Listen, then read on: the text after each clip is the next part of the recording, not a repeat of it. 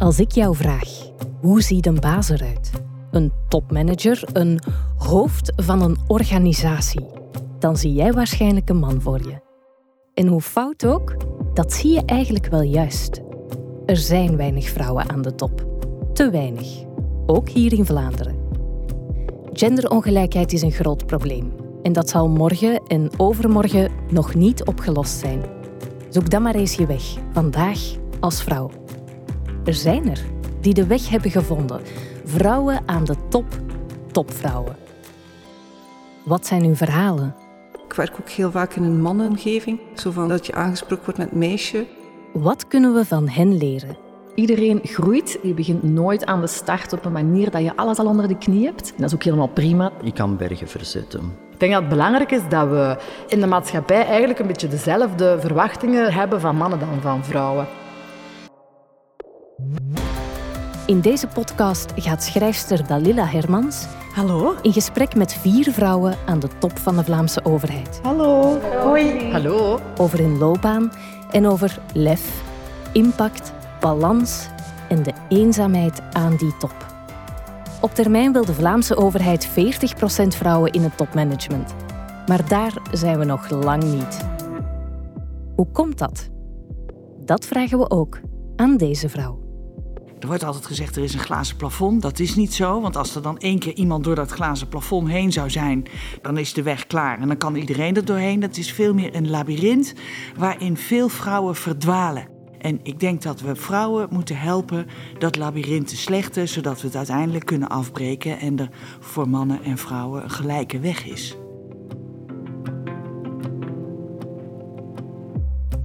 Dit is Vrenelie Stadelmaier. Zij coachte en trainde de afgelopen twintig jaar duizenden hoogopgeleide vrouwen met vragen op gebied van vrouw en werk. Ze schreef de boeken Fok die onzekerheid en Een slimme meid is op haar toekomst voorbereid. Ze geeft ook geregeld inspirerende talks voor honderden vrouwen. De Nederlandse regering erkende haar inzet voor gendergelijkheid met de Joke Smitprijs. Haar motto: Vrouwen zijn anders. Dit is aflevering 4. En deze draait rond impact hebben, het verschil maken. Want dat blijkt een heel belangrijke te zijn. Welkom bij Topvrouwen.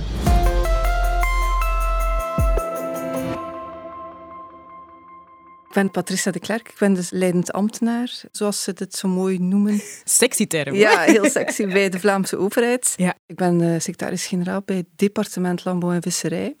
We hebben ongeveer een 600-tal mensen uh, die voor ons werken. En uh, ik zit daar samen met mijn directieraad, dat zijn vier mannen wel. Echt? Uh, ja, echt.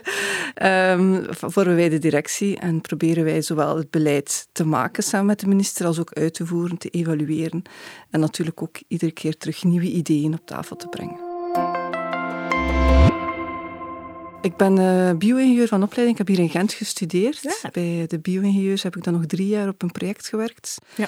En uiteindelijk hebben we dan heel bewust gekozen om uh, naar een beleidsfunctie te gaan. Uh, ik kon toen ook bij de Vlaamse overheid starten, ook op landbouw. Ja. Ik heb doorheen mijn jaren bij de overheid eigenlijk verschillende functies bij die overheid vervuld. Ja. Van gewone medewerker zou ik het maar noemen, naar woordvoerder, afdelingshoofd. Ik heb ook op een kabinet bij de minister gewerkt en daarna dus leidend ambtenaar. Ja, ja dan, dan ken je het onderhand. Hè? Als je zo al die verschillende functies hebt gehad. Ja. ja, en nu ben je dan echt in dat topkader terechtgekomen. Dat laatste stapje, hoe is dat gebeurd? Ik heb altijd rechtstreeks voor de grote baas gewerkt zelf.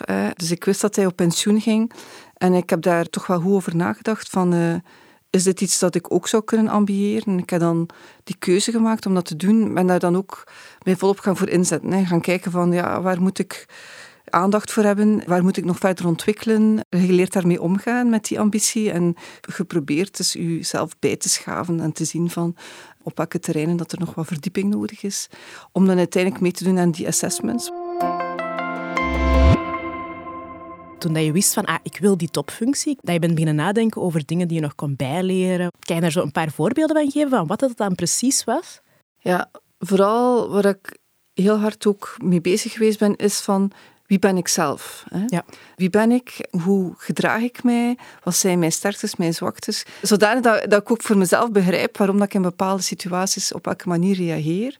En dat dan ook kan meenemen in mijn, uh, in mijn werking. Wat dat heel frappant was, is toen, toen ik die oefening maakte, hoeveel dat ik van mezelf ook in mijn dochter zag. Oh. Ja, dat was uh, heel confronterend. Ook zo de dingen waar je aan ergert aan andere mensen, dat zijn ook vaak de dingen waarvan je zelf ook dat gedrag vertoont. Een van de dingen die ik geleerd heb in zo mijn zelf-assessment, zal ik het maar noemen, is ik ben heel direct. Ik ben nog altijd heel direct, maar al veel minder direct dan vroeger. En dat is toch iets wat je moet leren. Niet iedereen kan om met een heel directe boodschap. Dus je moet een beetje in functie van met wie je praat, de juiste vorm in je boodschap steken. En dat is toch iets waar ik moeten aan werken heb.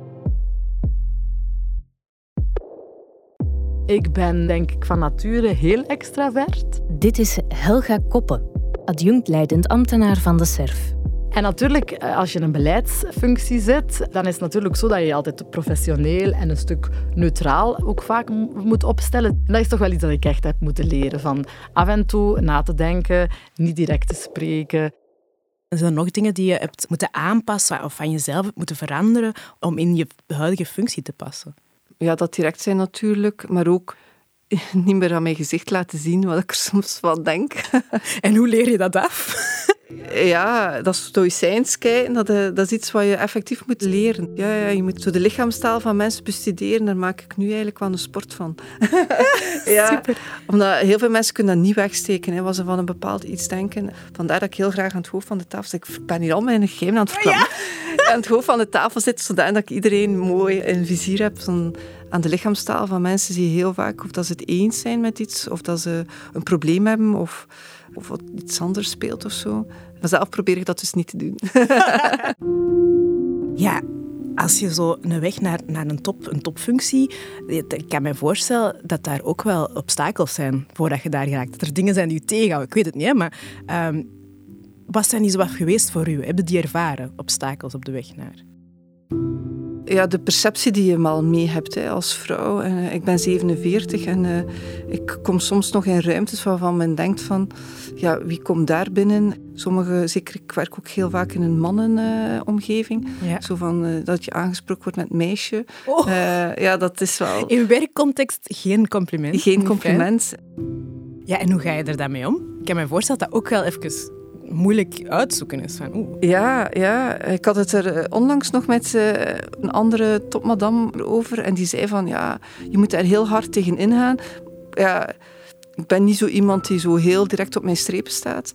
Maar eigenlijk heeft ze wel een punt. Hè. En eigenlijk zou je in zo'n situaties ongeacht de context waarin je zit, eigenlijk zou moeten zeggen van uh, ja, u mag mij aanspreken met mevrouw de Klerk of zo. Ja, dat vind ik een goeie. Ja.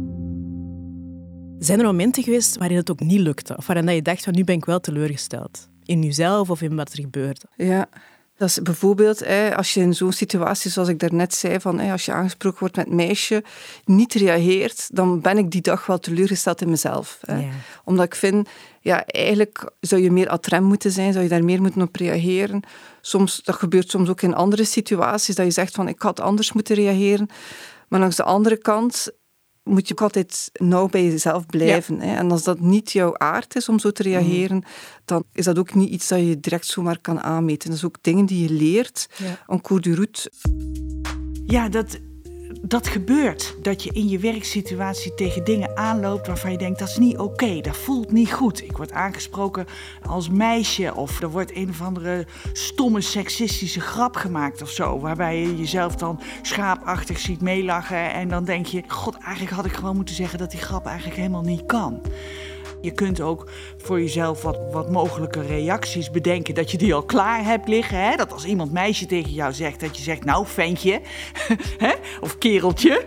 Eh, maar je kunt er natuurlijk ook altijd op een later moment op terugkomen. Je kunt altijd iemand later op de gang even aanspreken en zeggen: Goh, weet je die grap die je maakte? Eigenlijk vind ik dat die, die niet meer kan. En ik denk dat het voor je eigen waarde en je zelfrespect heel belangrijk is dat je dat doet soms wordt er gezegd van ja, vrouwen zijn zo overgevoelig of vrouwen hebben geen gevoel voor humor. Hè? Och, dat heb ik zo vaak gehoord. Oh, je hebt geen gevoel voor humor. Nou ja, dat zeggen ze dan maar. Kijk, mannen moeten ook leren om op een andere manier met vrouwen om te gaan en op een andere manier naar vrouwen te kijken.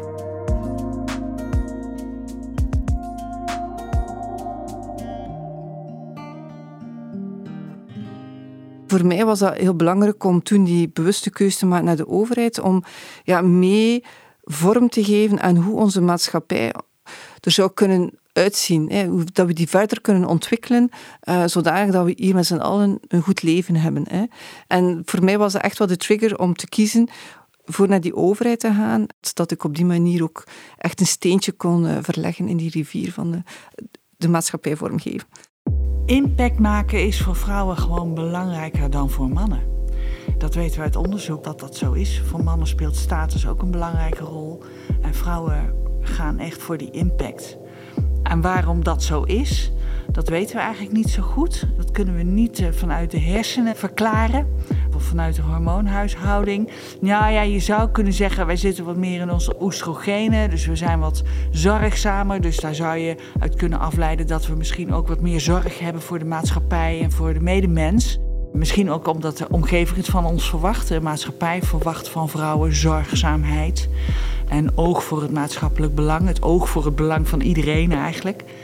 Een soort moedergevoel, dus misschien dat het daar vandaan komt. Maar het feit is dat dat voor heel veel vrouwen belangrijk is.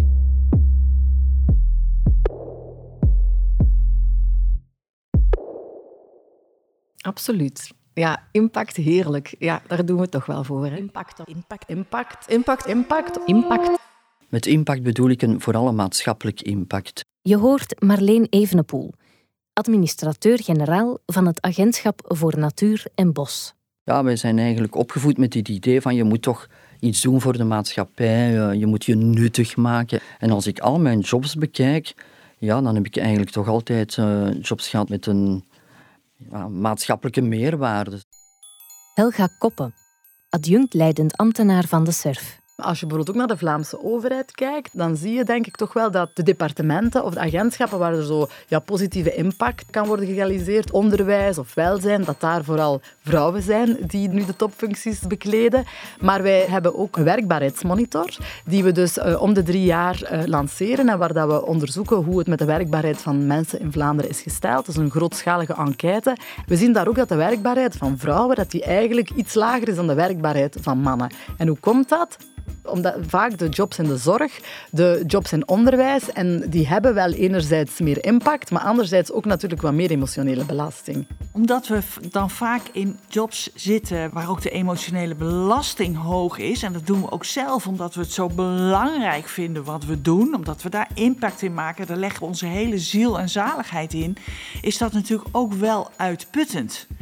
Als je je job doet om geld te verdienen en omdat je gewoon een grote dikke auto wil, ik zeg nog even wat, hè, en dan sla ik het heel plat, dat realiseer ik me ook, dan zit je daar toch anders in. Dan kost dat minder energie. Waarom denk jij dat dat voor vrouwen zo belangrijk is, zo impact hebben? Waarom dat het zo hoog scoort? Ja. Ik heb natuurlijk geen onderzoek naar gedaan, hè, maar ik kan mij voorstellen dat het ook een manier is om te tonen dat vrouwen ook iets kunnen. Hè. Van mannen wordt vaak aangenomen, ah ja, dat is waar. Hè. Ja, Tuurlijk zegt X of Y dat, maar vrouwen moeten het nog een beetje meer kunnen bewijzen en willen dan effectief ook aantonen dat ze die impact ook kunnen genereren. Allee, dat is buikgevoel, hè.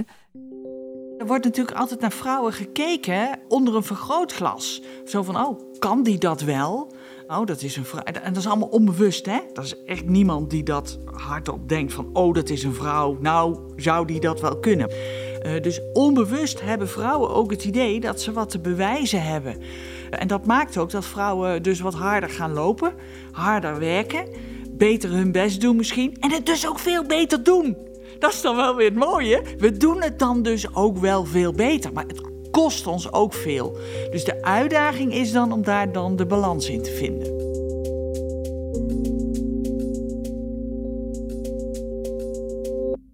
Wat ik wel belangrijk vind, is dat we op een gelijke voet behandeld worden. Hè? Ja. Dus als we in een, in een room binnenkomen, wij van spreken, en er zijn mannelijke collega's, dat we op dezelfde voet en met dezelfde egaars op dat moment, wie dat het ook wezen, behandeld worden. Dat vind ik wel gewoon belangrijk. Waarom is dat zo belangrijk?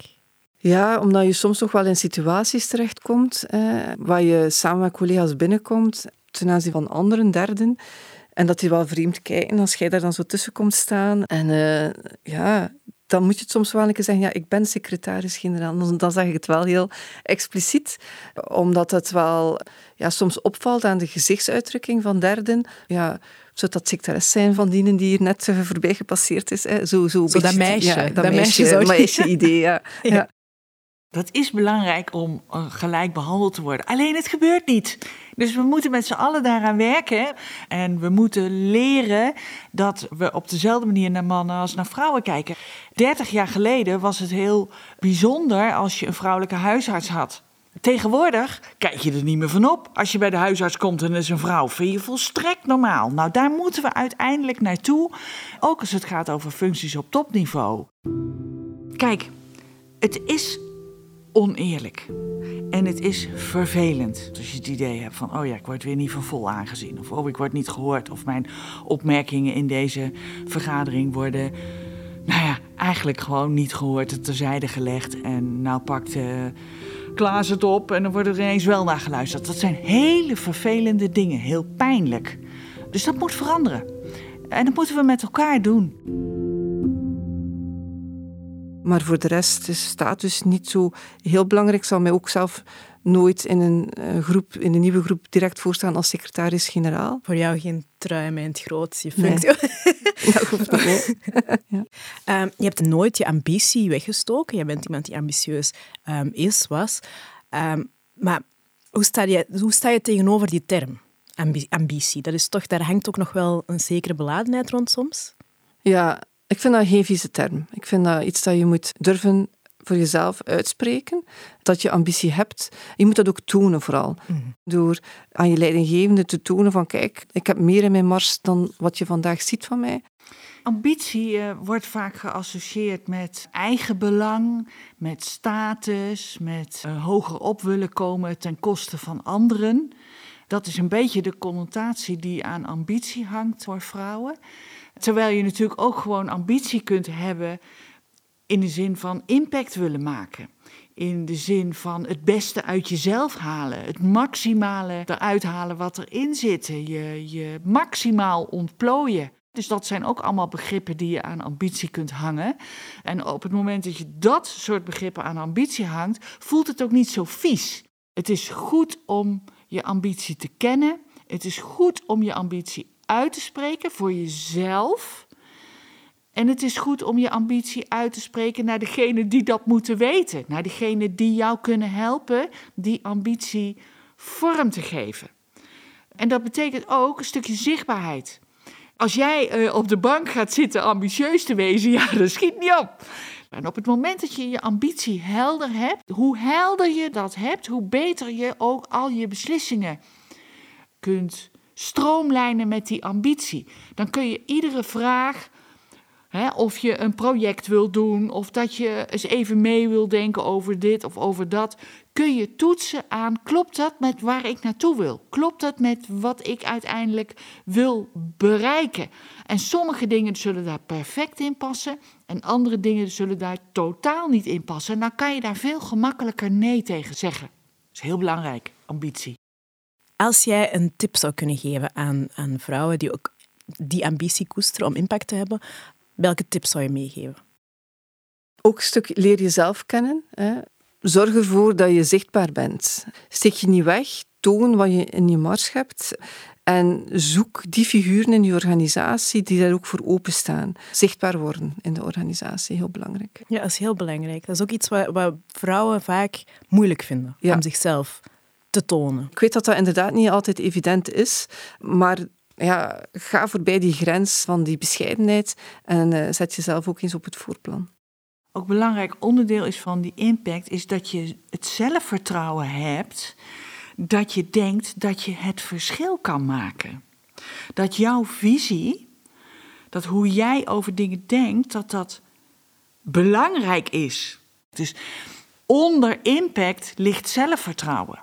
Het zelfvertrouwen dat je het goed ziet en dat je, dat je het weet en dat jouw mening ertoe doet.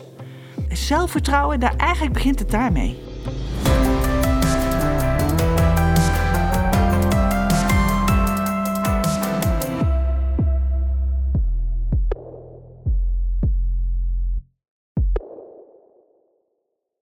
Denk dat mannen misschien veel vaker geneigd zijn om te denken van je kan dit wel.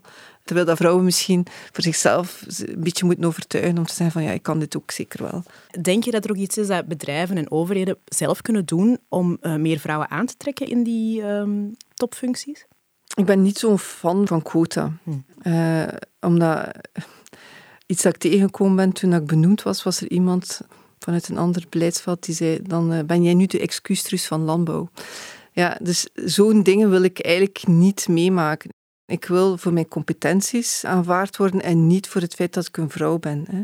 Ik snap wel dat, dat je op een bepaald moment misschien quota moet hebben om de aanzet te geven tot, zolang het natuurlijk niet tegen jou gebruikt wordt als vrouw, als zijnde van ja, het is door de quota dat je hier zit. Hè. Heb je misschien nog extra tips voor overheden of bedrijven om vrouwen meer in die topfuncties te krijgen? Dingen die zij kunnen doen, concreet? Ja, ik denk dat het vooral belangrijk is als je selecteert, dat je heel open bent in, in wie je selecteert. Hè. Mannen moeten niet alleen mannen selecteren, maar je moet ook gaan kijken naar welke karakters selecteren. Je moet zeker geen kopie van jezelf gaan selecteren. Dus zorg ervoor dat je echt met een gemengd team aan je tafel zit met verschillende competenties, dat het niet allemaal dezelfde soort types zijn. Heel belangrijk, transparantie in uh, selectieprocedures. Van tevoren goed met elkaar bespreken. Wat zijn de criteria? Zo objectief mogelijk proberen vast te leggen. En dat je daarmee alle onbewuste vooroordelen naar boven kunt halen. Ja, je vindt iemand aardig of niet, of je denkt dat iemand het wel kan of niet kan. Daar zitten vaak heel veel vooroordelen onder. Hè? We weten uit onderzoek dat in selectieprocedures we van mannen op basis van een bepaalde set competenties denken dat hij het wel kan. Dan hebben we geloof in de toekomst op basis van deze competenties. En bij vrouwen denken we op basis van dezelfde competenties, ja, maar ze heeft het nooit gedaan, dus we denken dat ze het niet kan. dus vrouwen moeten het al bewezen hebben dat ze het kunnen voordat we denken dat ze het kunnen. En bij mannen is het zo van, nou ja, hij heeft nooit bewezen, maar ja, met deze competenties zou hij dat toch moeten kunnen. En op het moment dat je een transparante procedure hebt en alle leden die onderdeel zijn van die selectieprocedure zulk soort mechanismes kennen, je het daar met elkaar over kunt hebben, dan pas kun je echt goed selecteren op de beste kandidaat. Ehm, ja, dat is iets waar ik vaak wel over nadenk. waar wil ik staan op het einde van de loopbaan? Misschien ergens in een andere topfunctie. En wat ik niet alleen op mijn ervaring mag terugvallen, maar waarbij ik ook zelf ook nog nieuwe uitdagingen aanga. Ambitieus tot op het einde, fantastisch. Uh, dankjewel voor, uh, voor ons gesprek. Graag gedaan, dat was heel fijn. Jouw druk schema. Ja, ik vond het ook heel fijn. Ik heb heel veel bijgeleerd. Ja, uh, dankjewel. Ja, tof.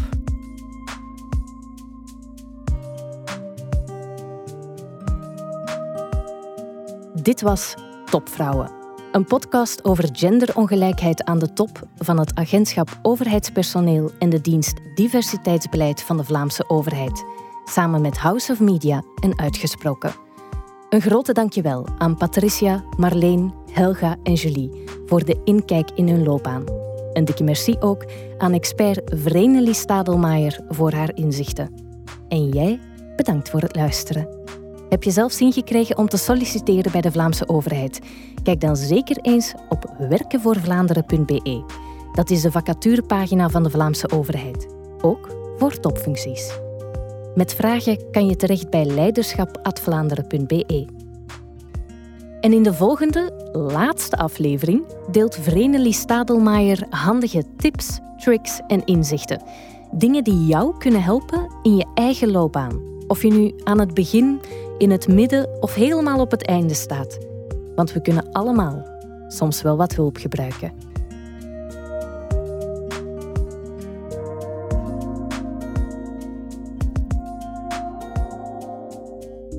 Hoeven niet allemaal naar de top, hè? maar naar jouw top, we het al zo noemen, de weg naar jouw top is een labyrint. En daar heb je hulp van buitenaf nodig om je de weg door dat labyrint te wijzen. En dat kan een mentor zijn, een sponsor, een coach, een boek, een podcast van de Vlaamse overheid. Dat je hulp van buitenaf nodig hebt en dat dat dus niet aan jou ligt, dat het geen zwaktebod is, dat jij tekort komt. Nee, er is gewoon nog eenmaal een labyrint voor jou. Ja, en dan wil je uit. Nou, hoe doe je dat? Simpel. Ja, simpel. Gewoon luisteren naar de volgende aflevering. En dan ook nog even dit. Met deze podcast willen we graag inspireren. We hebben daarom de topvrouwen, de expert en de gastvrouw gevraagd om vanuit hun eigen expertise, ervaringen en overtuigingen in gesprek te gaan. Ze praten dus helemaal vrij uit en wat ze vertellen geeft niet per se het officiële standpunt van de Vlaamse overheid weer.